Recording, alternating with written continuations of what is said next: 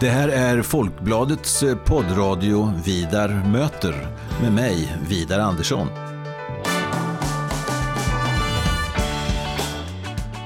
Jag är eh, chefredaktör på Folkbladet och jag är också ansvarig för Folkbladets ledarsida som eh, skrivs utifrån en oberoende socialdemokratisk hållning. Så i den här poddradion kommer jag att möta politiska personer av olika slag och vi ska ha ganska så korta och hoppas jag rappa samtal om stora och små samhällsfrågor. Varmt välkommen till Vidar möter.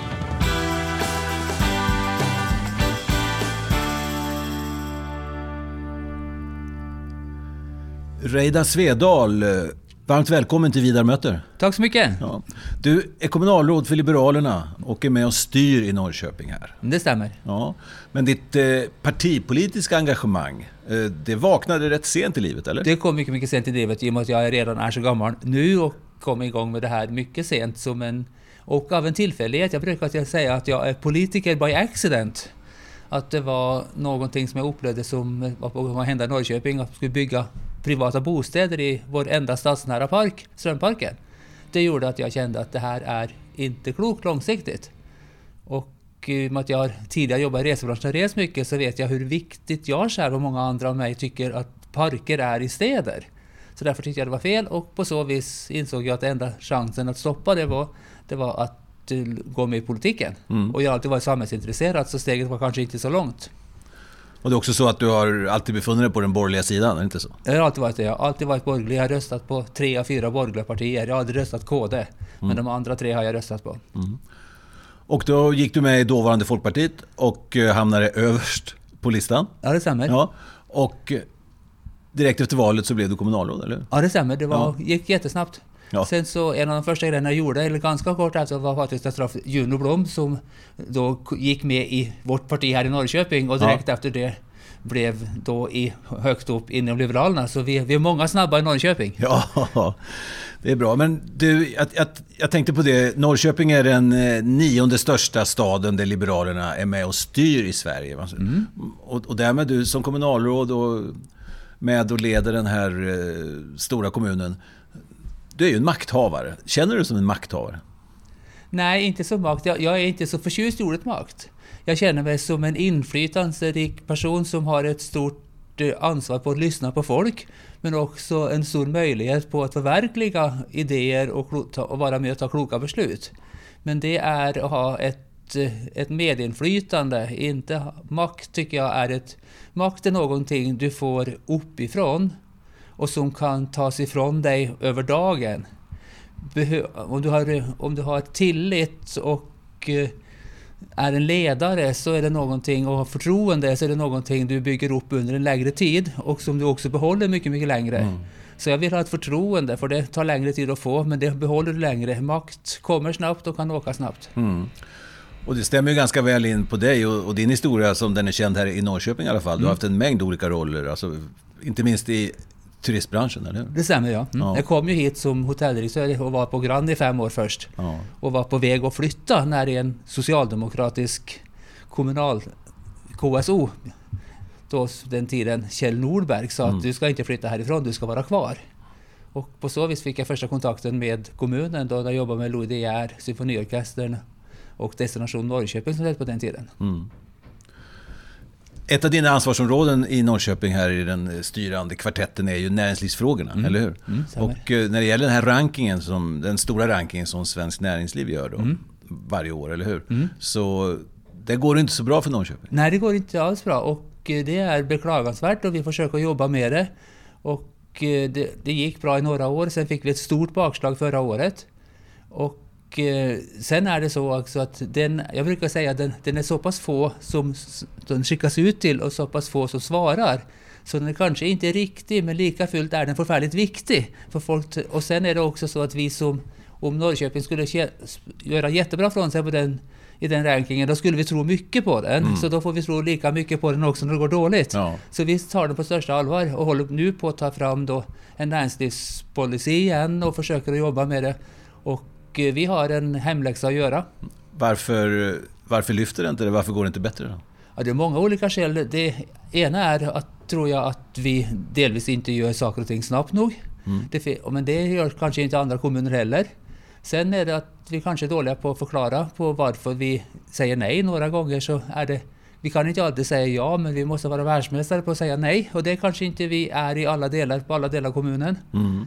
Så vi tittar seriöst på det och försöker att jobba med det. Och vi har startat ett kontaktcenter också i syfte att bli bättre. Sen hade jag haft tekniska problem och sånt där första Mm. året, men nu är det bättre. Så vi hoppas väl på lite bättre resultat i år. Men, och men samtidigt är det en tuff konkurrens. Alla svenska kommuner vill klättra och det är en Mm. omöjlighet. Mm. Ja, det är riktigt att alla vill klättra, men själv jag har svårt att, förstå varför Norrköping ska sjunka. Och jag menar, vi talar ju om placeringar långt ner. Ja, vi Ja. pratar om långt ner. Jag, Ja. har också, jag blev också förvånad. Jag tror det har att göra med olika grejer som kanske inte bara har direkt med det att göra. Men det, det, vi vet inte exakt. Vi får bara jobba med alla möjliga och försöka se att bli bättre. Mm. Kan det ha med mentaliteten i stan att göra? Eller, eller vad, vad, Ja, alltså vi var ju högre för några år sedan. Vi klättrade de Mm. tre första fyra åren som vi Mm. var i makten klättrade vi. Och sen tappade vi mycket plötsligt. Mm. Men det är allvarsamt och någonting vi tar på största allvar. Samtidigt så vet vi att det finns en större undersökning vad vi mäter då med många, många flera som varit i kontakt med oss, vad de tycker. Och det görs då i samarbete med svenska kommuner och regioner. SKRs undersökning som heter Insikt. Där ligger vi på högt upp på övre hälften. Mm. Så det är de, medan då många som... Det andra är en attitydundersökning. Där skårar vi sämre än vad vi gör när vi kollar vad tycker de som varit i kontakt med kommunen. Då är vi mycket bättre. Men attityder är också viktiga. Om folk tror någonting är dåligt så är det ju dåligt. Mm. Det stämmer. Eh, är det rätt att beskriva dig, Reidar Svedal, som en utpräglad lokalpolitiker? En, en kommunpolitiker? Ja, det, det tror jag. För jag har absolut inga ambitioner på rikspolitiken. Jag kom igång så sent och jag tycker det, den är också li, alltså jag, Folk var ju, det vet ju du också, du, jag tror du till och med var en av dem också, som var lite tveksam till att kommer jag att orka vara kvar i politiken plötsligt länge? Det vet jag många i Mm. Norrköping undrade på. Och det tycker jag, det tänker jag vara med. För jag tycker det är jätteroligt. Men fördelen med kommunpolitik tror jag jämfört med rikspolitik är två saker. Det ena är att det är, går betydligt fortare. Mm. Det går att göra mer, det går att påverka mer, det går att se resultaten. Det gillar jag. Mm. Och det andra som jag gillar och det är att eh, lokalpolitiken är mycket mer pragmatisk. Det är, alltså, det är så, resultatet är viktigare än ideologin i de flesta Mm. frågor lokalt. Så är det inte alltid på riks. Och jag Mm. tycker resultat är roligt. Jag gillar ideologiska diskussioner också. Men resultat är viktigare och eh, det har jag fått chans att vara med att skapa. Inte minst tack vare kollegor både från C och KD och inte minst Lasse Stjernkvist som är en pragmatisk ledare som vi har haft. Som, Mm. så vi har kunnat... Vi har brukt all tid de här fem åren på att diskutera vad ska vi göra, inte på internt tjafs. Vi har Mm. lagt 99,8 procent av vår energi utåt, Mm. på, inte på interna dumma diskussioner. Det är härligt att höra dig där. Jag sa så här när du eh, började politiken att eh, räddningen, tror jag, det var att du blev kommunalråd, blev exekutiv, fick gå in och börja göra saker. Mm. Och inte gå och harva en opposition och gå och gnälla och säga för sent, för lite. Och... Ligger det inte någonting i Jo, det Jag menar, ligger du, mycket det. du är ju väldigt exekutiv, du är Ja. väldigt snabb. Ja, men jag hade ju, alltså det gick ju så fort så jag hann inte riktigt för själv förstå vad som hände i den tiden jag kom in i politiken och sen plötsligt blev det val och så gick det ganska bra och sen blev det kommunala regeringsförhandlingar och så gick de också bra. Hoppsan, så sitter man här. Ja. Så det var till och med snabbt, snabbare än vad jag själv trodde om det skulle gå snabbt. Mm. När det gäller rikspolitiken, Reidar, så eh, jag har egentligen bara sett en sak som du har engagerat dig i och det var också snabb. Det gällde ju när Liberalerna skulle välja ny partiledare Mm. Ja. efter Jan Björklund. Mm. Så var du väldigt snabb och engagerade dig för en av kandidaterna, Ja. nämligen Nyamko Sabuni. Ja. Vad såg du hos henne? Jag såg hos henne flera grejer. Jag såg en person som var orädd, som vågade att stå för sin åsikt. Jag såg också i henne, jag såg redan då att vi kommer att ha många år med svårigheter kring integration och de bitarna där. Jag såg i henne en möjlig klok person som kunde hantera den frågan utan att någon skulle kunna dra rasistkortet. Som skulle kunna säga sanningar som kanske inte så många andra rikspolitiker kunde göra. Jag visste hennes engagemang. Jag gillade också hur hon var en tydlig näringslivsförespråkare. Så jag tyckte hon var en mycket duktigare person än övriga kandidater. Mm. Hur tycker du det har gått då? Ja, alltså, jag, jag hoppas ju då, nu är det kanske lite självförsvar då, jag hoppas ju att hon har samma svåra start eller kloka start, att man tar det försiktigt i början, kanske är det så, som eh, Annie Lööf gjorde. Hon hade två år utan att det hände mm. speciellt mycket. Sen gick det jättebra plötsligt för henne. Detsamma såg vi också nu med då med KDs ledare. Var mm. också tog ett par år att det var, var på väg att man var för händer ingenting. Mm. Och nu om ett år så är det då Nyamkos tur att det ska skjuta Hayden. Mm. Nu e-, efter eh, riksdagsvalet då 2018 så bytte ni sida kan man säga och gick över till att stötta en socialdemokratisk statsminister istället för en eh, moderat eh, mm. statsminister. Var det ett klokt beslut tycker du? Det var kanske ett nödvändigt beslut just då. Men jag tillhör ju de som inte tror att det är den långsiktiga vägen. Mm. Jag tror att, eh, min tro, är att det här blir max den här perioden. Mm.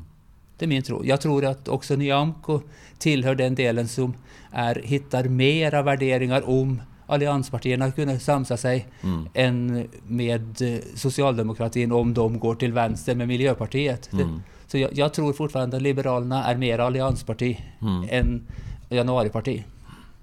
Hur går eh, tankarna i ditt huvud då? Jag menar, det mesta, det talar ju för, så som läget ser ut nu i, i, i varje fall, att eh, antingen, alltså den som vill regera, antingen måste man göra det med hjälp av Sverigedemokraterna eller med hjälp av Vänsterpartiet, alltså i riksdagen mm. eller i, i, mm. regeringen. Så ser man mandaten ut. Ja. Och uh, hur, hur, tänker du om det? Har du, har du något besvär med det, om det skulle bli så?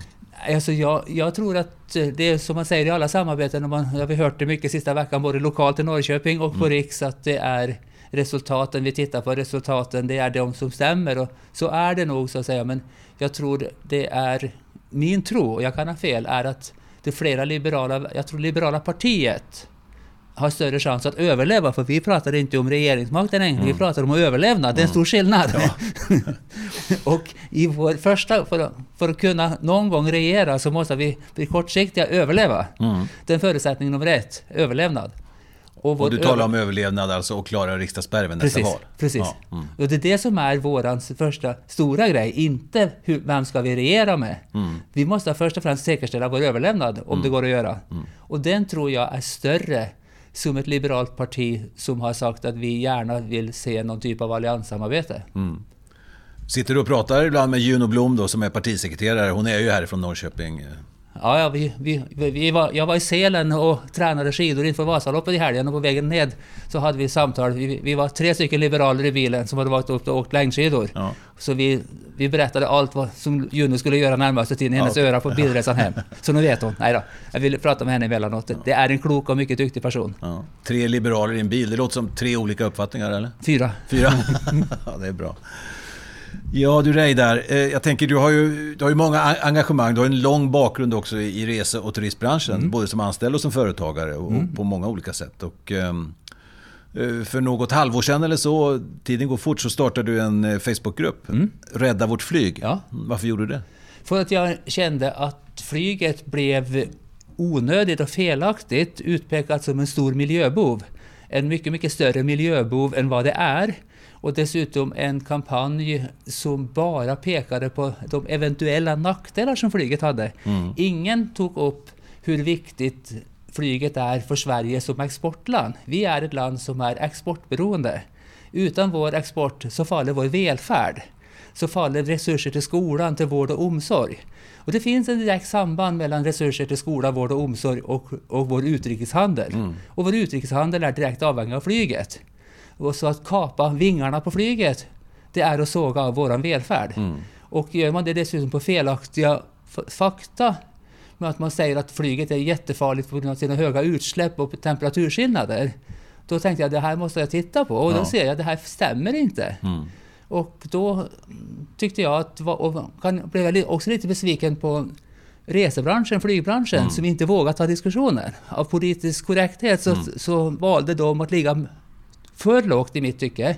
Så tänkte jag, jag är ju orädd mm. av naturen. Ja. Och, och, jag vågade säga och säga någon, någon emot mig så tål jag det också. Mm. Så jag tänkte jag måste försöka få med mig folk på det här och det har blivit en Facebookgrupp med många mycket engagerade. Mm. Samlar mycket, många intressanta artiklar och grejer. Så att ja, nej, jag, jag gillar flyg, jag, jag tror på mänsklig resande och framförallt så tror jag på en direkt koppling mellan svensk välstånd och vår utrikeshandel och flyg. Mm. Det flyget och flygskam och allt som var, kanske var mer eh, hypat för ett halvår sedan.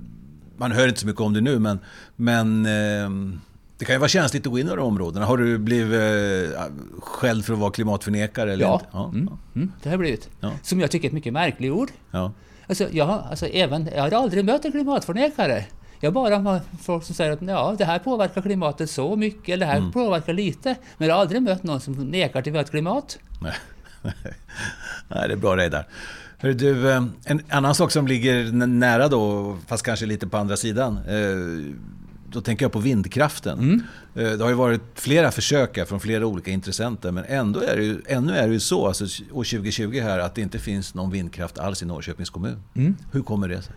Det kommer sig att det finns, tror jag, att det finns några få, jag skulle kalla det särintressen, som har otroligt stor påverkan på vissa beslut. Det är, jag såg en karta häromdagen på Sverige, över hela Sverige och vilka områden som är berörda av re, regleringar. Och det var i stort sett hela Sverige, så är det någon regering, reg, reglering som gäller varje kvadratmeter av vårt land. Så vill man göra någonting så finns det alltid någon som kan stoppa det. Och eh, sen finns det också... Men får, även, jag, får jag säga det bara, det byggs ju vindkraft på andra platser Ja. i Sverige trots allt. Men vad, är det något speciellt med Norrköpings natur eller Norrköpings eh, politiker eller länsstyrelsen vi har här eller vad är det för problem? ja, vi, så det är politiskt sett har vi en stor majoritet i Norrköping för att bygga vindkraft. Och vi har tagit fler, jag har ju suttit i bygg och miljö. Vi har släppt igenom flera sådana beslut var vi har sagt ja, bygg, bygg, bygg. Men då har vi fått stryk av Länsstyrelsen.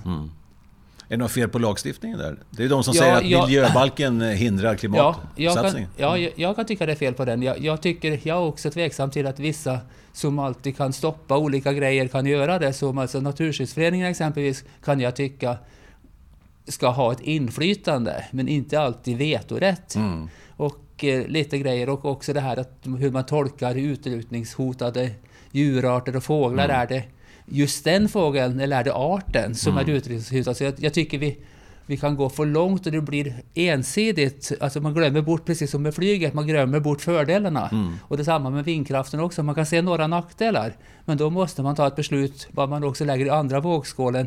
Fördelarna med beslutet. Men tar man bara beslut utifrån nackdelarna så gör vi ju, då kan vi inte köra bil, då kan vi inte äta smör, då kan vi inte göra någonting. Man måste alltid väga för och emot och i vissa miljöfrågor så pratar vi bara om nackdelarna. Vi tar inte in och väger fördelarna. Mm. Ser du någon ljusning, någon förändring i den eh, inställningen? Eh, Både om vi talar attityder eller talar lagar, alltså att det kommer bli lättare för vindkraftssatsningar. Ja, så, ja, min erfarenhet är att lagar som är införda, det gör man på ett år och tar bort dem, det tar 15. Ja. Så du spår det här kommer ta lite tid. Ja, tyvärr tror jag det. Avslutningsvis Reidar Svedal, så du har ju också bland mycket annat eh, du har gjort hittills i livet så också varit föreläsare eh, på en, en del av de här förmedlingsföretagen. Och även om du kanske vilar den delen nu när du har annat att göra. Så jag lyssnade lite på ett av dina föredrag som heter Ser- Service till tusen. Ja. Ja. Det är väldigt bra. Bland annat så jobbar du mycket med de här motsatsparen.